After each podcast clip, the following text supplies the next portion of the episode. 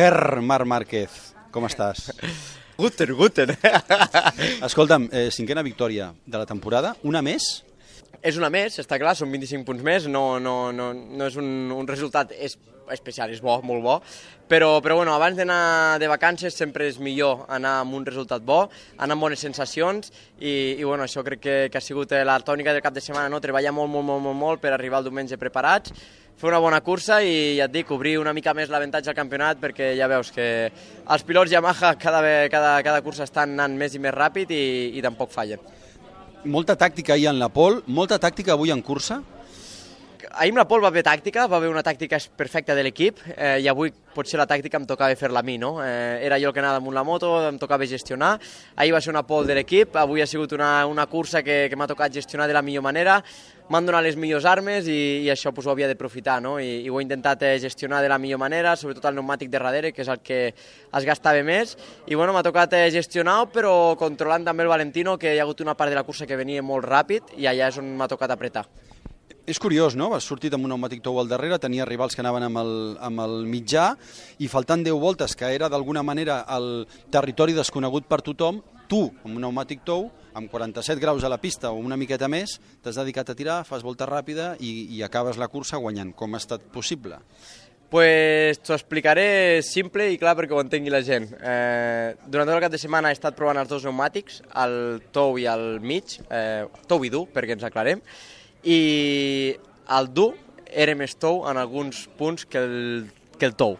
Així que no em, tro em trobava més a gust a final de cursa amb el pneumàtic tou que amb el dur. Eh, I això pues, ha sigut eh, pel que he decidit eh, agafar el tou. La gent segurament sempre sóc eh, de l'opció d'anar amb, el, amb l'opció més dura, però eh, aquesta vegada no, no era la correcta i ja vaig cometre aquest error a Montmeló. Bueno, de fet, ja vas, has fet una miqueta com a Holanda en aquest sentit, no? Sí, he fet com a Holanda. També sabia que havia de gestionar molt bé, perquè sí que això no vol dir que el tou era dur, eh, havia de gestionar de la millor manera possible, però, però bueno, eh, ningú ha pogut fer tota la cursa al 100%.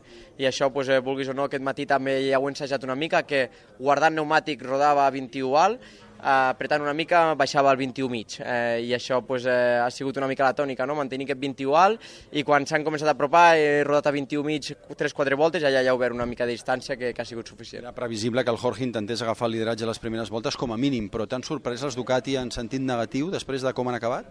Bueno, eh, les Ducati estaven anant molt ràpid eh, durant tot el cap de setmana, però eh, tenim els papers, ens els repassem tots, només havien arribat a la volta 18-20 amb pneumàtics. Eh, i això encara en queden 12 més per davant, o sigui, queden 12 voltes per perdre temps o per guanyar-ne. Eh, I allà és on, eh, on nosaltres aquest cap de setmana hem fet eh, molt bé l'estratègia, hem treballat eh, superbé de cara, de cara a la cursa.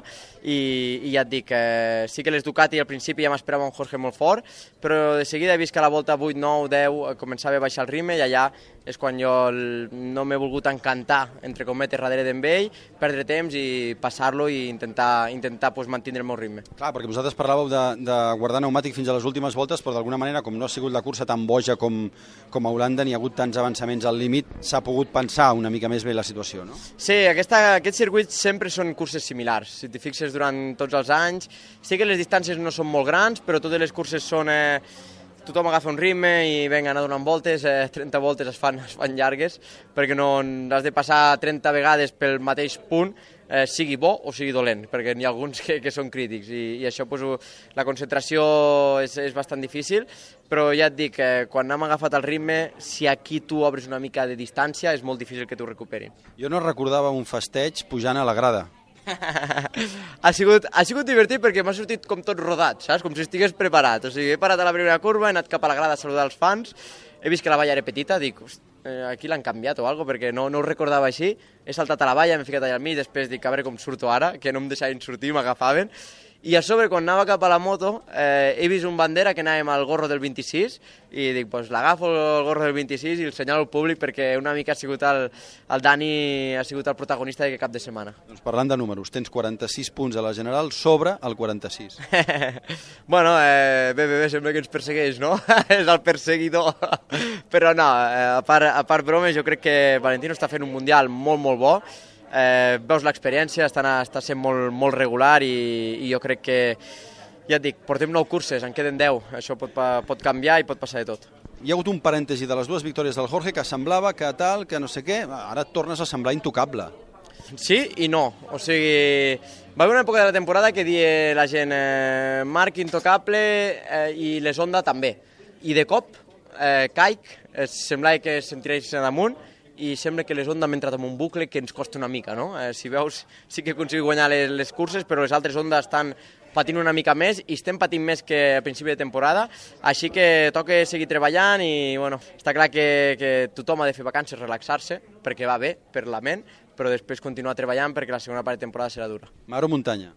Eh, mar, mar, a l'estiu sempre mar. Doncs que t'ho passis bé. Home, ja hi vaig aquesta nit de cap.